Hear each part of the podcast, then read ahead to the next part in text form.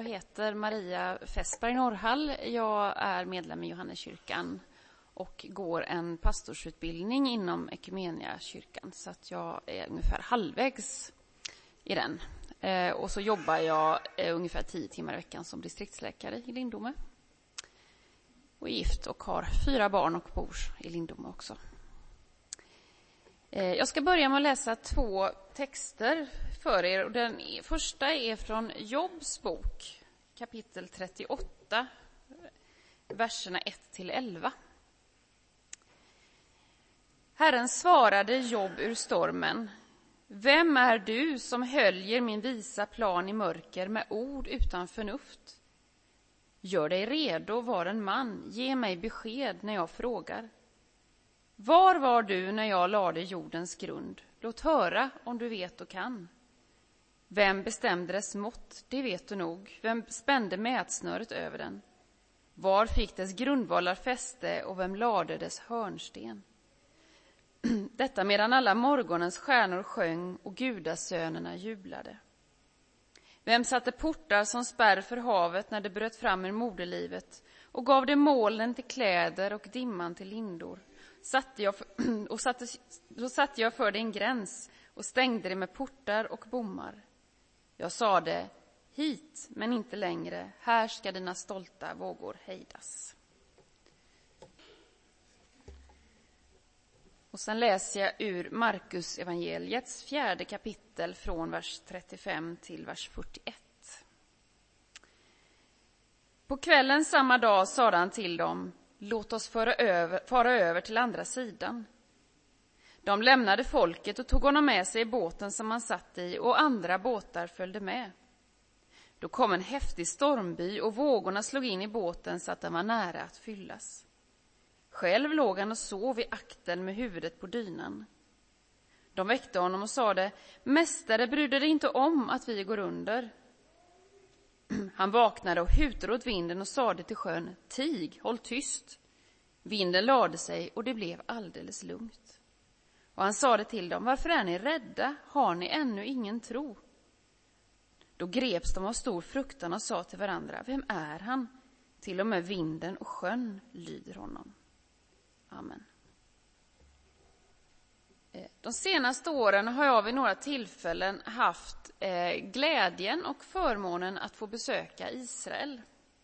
Och ett par gånger av dessa så har jag också varit i området kring Genesarets sjö. Och senaste gången detta hände var i mars förra året då vi, jag och min man tillsammans med till exempel Inga-Lill och Ronny Stenholm från denna församlingen gjorde en resa tillsammans med vänner från Ekumeniska kommuniteten vid Bjärka Säby. Och jag tänkte jag skulle visa några bilder, så har ni lite sådär miljöbilder som en fotograf som heter Sandra Erikshed som var med på resan har tagit. Eh, att resa till de här platserna där Bibelns berättelse utspelar sig har i alla fall för mig gett väldigt mycket ny inspiration och förståelse i min egen bibelläsning. Och det här gäller saker som inte minst eh, geografi, natur, hur vädret är och bergen och alltså sådana här saker som har gjort att jag har i alla fall lättare för att tänka mig hur det nog kan ha sett ut när de här händelserna ägde rum. Men det finns några undantag där detta nästan blivit lite svårare. Och det här är en av de texterna när Jesus stillar stormen. Och en av anledningarna till detta det är att sjön, ja, dels är den inte särskilt stor. Och när jag har varit där och bland annat fått åka båt på sjön så har det varit väldigt lugnt och stilla. Du kan ta nästa bild. Någon ni kanske känner igen. Så här fridfullt kan det vara när man åker på Genesarets sjö. Kan ta nästa. Här är Golanhöjderna som ligger på östra sidan av sjön. Och så nästa. Ja, lugnt och fint, ingen fara. Och så nästa. Här är en bild över sjön. Eh, och man kan tänka sig att den resan de nog gjorde var ungefär från liksom den nordvästra delen där och sen så någonstans över till den östra delen. Så någonstans mitt på där så, så inträffade då den här händelsen. Eh, kan vi ta nästa bild. Det är en liten våg i alla fall. Sen har jag faktiskt, jag berättade detta en gång för några vänner i vår församling och då så berättade de att när de var där så hade det faktiskt kommit en ordentlig storm och gått riktigt höga vågor. Så de hade inte alls speciellt svårt att tänka sig in i den här berättelsen efter det. Men Genesarets sjö, Lake Tiberias på engelska eller Jam Kinneret på hebreiska, den är cirka 166 kvadratkilometer och är maximalt 43 meter djup. Omkretsen är 40, 53 kilometer. Så att har man en cykel och inte är rädd för lite backar där på östra sidan så, så går det att cykla runt sjön eh, på en halvdag. Eh, och den ligger cirka 210 meter under havsytan och är därmed världens lägst belägna sötvattenssjö. Och från sjön så rinner sedan Jordanfloden ner mot Döda havet som ligger på cirka 400 meter under havsnivån. Och båda de här sjöarna har idag väldigt allvarliga problem med att vattennivån sjunker. För att avtappningen av vattnet i Jordandalen, både från Jordanien och Israel, Palestina, är väldigt stor. Eh, just för att Jordandalen har man väldigt mycket odlingar. Eh, när vi var där sist så hade faktiskt vattnet ändå stigit lite för det hade kommit ganska mycket regn under vintern. Jag har roat mig lite med att jämföra storleken på Genesarets sjö med andra sjöar och konstaterade att om den hade legat i Sverige så skulle den kommit på plats 13 i storlek, mitt emellan Storuman och Stora Lulevattnet. Och Siljan är till exempel 100 kvadratkilometer större, så får ni en slags uppfattning om hur stor, hur stor sjön är. Så man tycker att det borde inte varit något speciellt märkligt företag det här att segla från ena sidan till den andra. Den maximala resan de kunde ha gjort, och som förmodligen gjorde de en betydligt kortare resa, är cirka 21 kilometer. Och förmodligen hade man också gjort den här resan många gånger. Och man gav sig av utan större betänkligheter. Jesus la sig och sova, allting var frid och fröjd. Men det som är väldigt lurigt med området kring Genesaret, det är att det på grund av att det är väldigt bergigt och runt omkring så kan det komma vindar in från Medelhavet som liksom pressas ner mellan bergen och vädret kan slå om väldigt fort. Och sannolikt så tonade ovädersmålen hastigt upp sig och stormen kom över dem så hastigt att man inte hann att vända eller söka skydd i närmare hamn. Och här tänker jag att vi kan stanna upp lite grann, för är det inte ganska ofta så här när någonting i våra liv händer och det svåra drabbar oss? Allting är bra, inget varslar om en förestående fara, men plötsligt så har vi drabbats av något. Kanske fanns det tecken innan, men kanske ingenting vi tog på speciellt stort allvar, för det där var ju inte så farligt. Och så står vi plötsligt inför ett fullbordat faktum. Och vi kan säga att det finns ett före och ett efter det som har drabbat oss. Jag råkade själv ut för en ryggskada för en del år sedan som har påverkat mitt liv ganska ordentligt. Och jag kan fortfarande ganska detaljerat minnas vad som hände just den där dagen där då jag råkade ut för det här. Och även vad jag gjorde timmarna innan det här hände. Det är ju så vårt minne ofta fungerar. Och vi kan också då känna en längtan att kunna hoppa liksom tillbaka till det där som var tryggt och där inget ont hade hänt. Och vi kanske tänker att då skulle jag gjort på något annat sätt. Men vi vet att det inte går. Och även för Jobb så fanns ett före och ett efter. Han levde ett gott och gudfruktigt liv med en stor familj och ett stort välstånd. Och så plötsligt utan förvarning så rycks allt det här ifrån honom. Och i några kapitel före den text vi läste så uttrycker Jobb just detta. Om det ändå vore som förr, på den tiden då Gud vakade över mig. Frågan som då kommer är vart vi vänder oss när det oförutsägbara drabbar oss. Det som vi önskar att det aldrig hade hänt. Berättelsen om lärjungarna som kämpar i stormen tycker jag visar flera aspekter på detta. Och det är på det sättet en ganska spännande text. För vad är det första lärjungarna gör? Är det att vända sig till Jesus och be honom ordna det hela? Ja, alltså jag tycker det verkar mer som att de försöker reda upp situationen själva först. Och egentligen kanske inte det är speciellt märkligt. Flera av dem var vana fiskare och de hade säkert upplevt de här stormarna förut. Det här fixar vi, tänkte de kanske. Och så kanske vi också ofta själva gör när någonting inträffar. Vi försöker ordna det på egen hand. Och i alla fall är jag själv sån. Jag börjar planera och ordna och försöker lösa problemet och anpassa mig efter situationen och tänker inte alltid på att faktiskt också blanda in Gud. Jag tror inte det är fel att vi använder de gåvor och den erfarenhet vi har för att lösa de situationer som vi hamnar i. Jag tror inte att Gud vill att vi bara sätter oss med armarna i kors och säger att nu får han ordna upp det här. Men jag tror att han vill att vi lägger hela vårt liv i hans hand. Jag tror att han vill att vi ska leva i en slags grundtillit, att oavsett hur våra liv ser ut så är vi oändligt älskade och att han alltid bär. Kanske vill han ge oss en lyhördhet för att peka på möjligheter vi själva först inte ser. Och kanske vill han sända människor i vår väg som vill dela vår börda. Och kanske skulle lärjungarna ändå väckt Jesus lite tidigare. Kanske inte be honom för att lösa situationen, men bett honom hjälpa dem med seglen och bett honom vara med. Hur som helst så verkar det som att lärjungarna som sagt försöker ett tag till. Men till slut så blir det kritiskt. Båten översköljs av vågorna och plötsligt är det inte bara en besvärlig situation utan de börjar frukta för sina liv. Och plötsligt är Jesus deras enda hopp och utväg. Mästare, bryr dig inte om att vi går under, är plötsligt deras desperata ord. Och här är nästa sak jag tänker att vi kan stanna till vid. Att vi får vara uppriktiga och ärliga och säga till Gud precis som det är. Är du bitter och besviken, har ditt hjärta djupa sår. Säg till Jesus vad du känner, våga tro att han förstår. Så lyder början på tredje versen av psalm 48, vilken vän vi har i Jesus.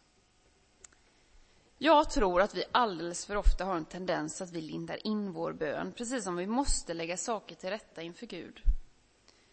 Men jag tror att är det någonstans vi kan vara helt ärliga och uppriktiga så är det där inför Herren, för han tål det.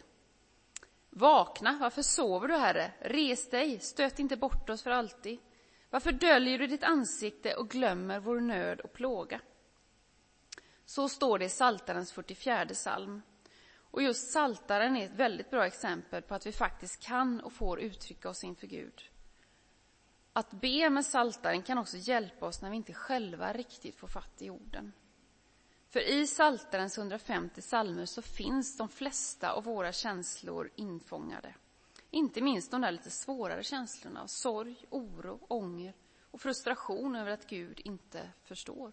Och jag tycker det är ganska skönt att de här orden står där mitt ibland de här salmerna som prisar Herren och prisar honom för hans storhet och allt gott han gör. Att det står där att vi faktiskt också får lov att känna så här ibland, men att vi får lämna det hos Gud. Och jag tänkte här återvända och kanske göra en liten utvidgning också om jobb. För Jobs bok är en bok som i alla tider fascinerat och gör så fortfarande. För den ställer frågor på något sätt som vi alltid brottas med. Vad gör vi när lidandet drabbar oss? Varför just jag? Var finns Gud nu? Jag lyssnar ganska mycket på, på P1, eh, på, särskilt på eftermiddagarna, och det är inte så sällan som Jobs bok i någon diskussion citeras eller det har varit någon teaters, det har varit flera teaterföreställningar på senare år som har anknutit till Jobs bok och så vidare. Så det här är en bok som fascinerar, tror jag, också utanför kyrkans väggar. Och den text vi läste är hämtad från slutet av Jobs bok. Och bakgrunden till texten är kort att Jobb är en rik och mycket lycklig man som trots sin rikedom också är rättfärdig. Och i inledningen får man ta del av ett samtal mellan Gud och den som kallas för anklagaren. Där anklagaren säger att det inte är så konstigt att Jobb är from och gudfruktig när han har det så bra. Och Gud låter då anklagaren drabba Jobb med all slags olycka. Och därefter så kommer tre vänner på besök till Jobb. Han har blivit av med sin familj, sin rikedom och även sin hälsa. Och de här vännerna de försöker trösta Jobb. Men allt eftersom så går deras tröst också mer över i ett anklagande. Att Job måste ha syndat eftersom så mycket ont har drabbat honom. Men trots allt detta så framhärdar Job både i sin fromhet och i sin oskuld. Aldrig jag ger er rätt, till min död vidhåller jag min oskuld, säger han till sina vänner. Och det jag tycker är både spännande och befriande, det är att han också är ärlig inför Gud med vad han känner. Därför lägger jag inte band på mig. Jag vill ge ord åt min smärta, klaga i min bittra förtvivlan, säger han till exempel i kapitel 7. Så säg till Gud precis som det är, även när du är arg på honom och det känns som att han sover och inte bryr sig. Men samtidigt som vi är och får vara helt ärliga inför Gud så ska vi också vara medvetna om att vi inte kan diktera villkoren för vad han ska svara på vår bön. Men det vi får göra det är att lägga hela vårt hopp hos honom och lita på att han har helheten och kontrollen. Och det är det sista jag tänkte stanna till inför. För lärjungarna uttrycker sin nöd och Jesus stillar stormen, lugnet lägger sig och det blir tid för eftertanke. Och man kan nästan studsa till lite för Jesu fråga här. Varför är ni rädda? Har ni ännu ingen tro? Var är er tro, står det när Lukas beskriver samma händelse. Och i första anblicken så blir jag nästan lite provocerad. Lärjungarna upplevt att de varit nära att dö och Jesus anklagar dem för att inte tro ordentligt. Eller är det detta han gör? Nej, kanske ändå inte. Jag tror att det Jesus vill säga till sina lärjungar och det han vill säga till oss i den här texten mer handlar om modet att släppa taget. Att inse att han alltid har kontrollen. Att det beror inte på vår förmåga, utan att vi får lägga vårt liv i hans hand. Och hur han sen svarar på vår bön är hans sak. Och jag tror det är detta vi också kan läsa från texten från Jobb. Att vi har aldrig hela bilden. Vi får i den här världen kanske inte svaret på varför vi drabbas av sjukdom, sorg etc. Men det vi kan veta det är att Gud älskar oss och att han har kontrollen. Han har satt ett stopp för ondskan. Hit men inte längre ska dina stolta vågor hejdas. Vi får lägga våra liv precis som de är i händerna på honom som tagit allt detta med sig på korset. Och för mig har det blivit en oerhört stor tröst när jag får fira nattvard. Att när brödet bryts så finns allt det jag bär på med där. Jesus har tagit med sig allt det som känns tungt och hotfullt upp på korset. Men han har också tagit det med sig genom till sin uppståndelse. Och med den vetskapen så får vi leva och dö med honom. Och Paulus han hade den här insikten. Han skriver i andra Korintierbrev, till honom står vårt hopp, han skall rädda oss. Och i Saltarens fjärde psalm så står det, svara mig när jag ropar, Gud du som skaffar mig rätt. Du öppnar vägen när jag är trängd. Och kanske kan detta få bli din bön när du inte ser någon utväg. Att Gud öppnar en väg för dig. Kanske inte den du tänkte själv först, men en väg där du får gå med honom helt i din hand. En väg där du får vara överlåten till hoppet om att han alltid har kontrollen även när det ser väldigt mörkt ut. Och en bön om att han alltid finns där. Att han älskar dig och att han alltid vill vara med dig nu och även i evigheten. Amen.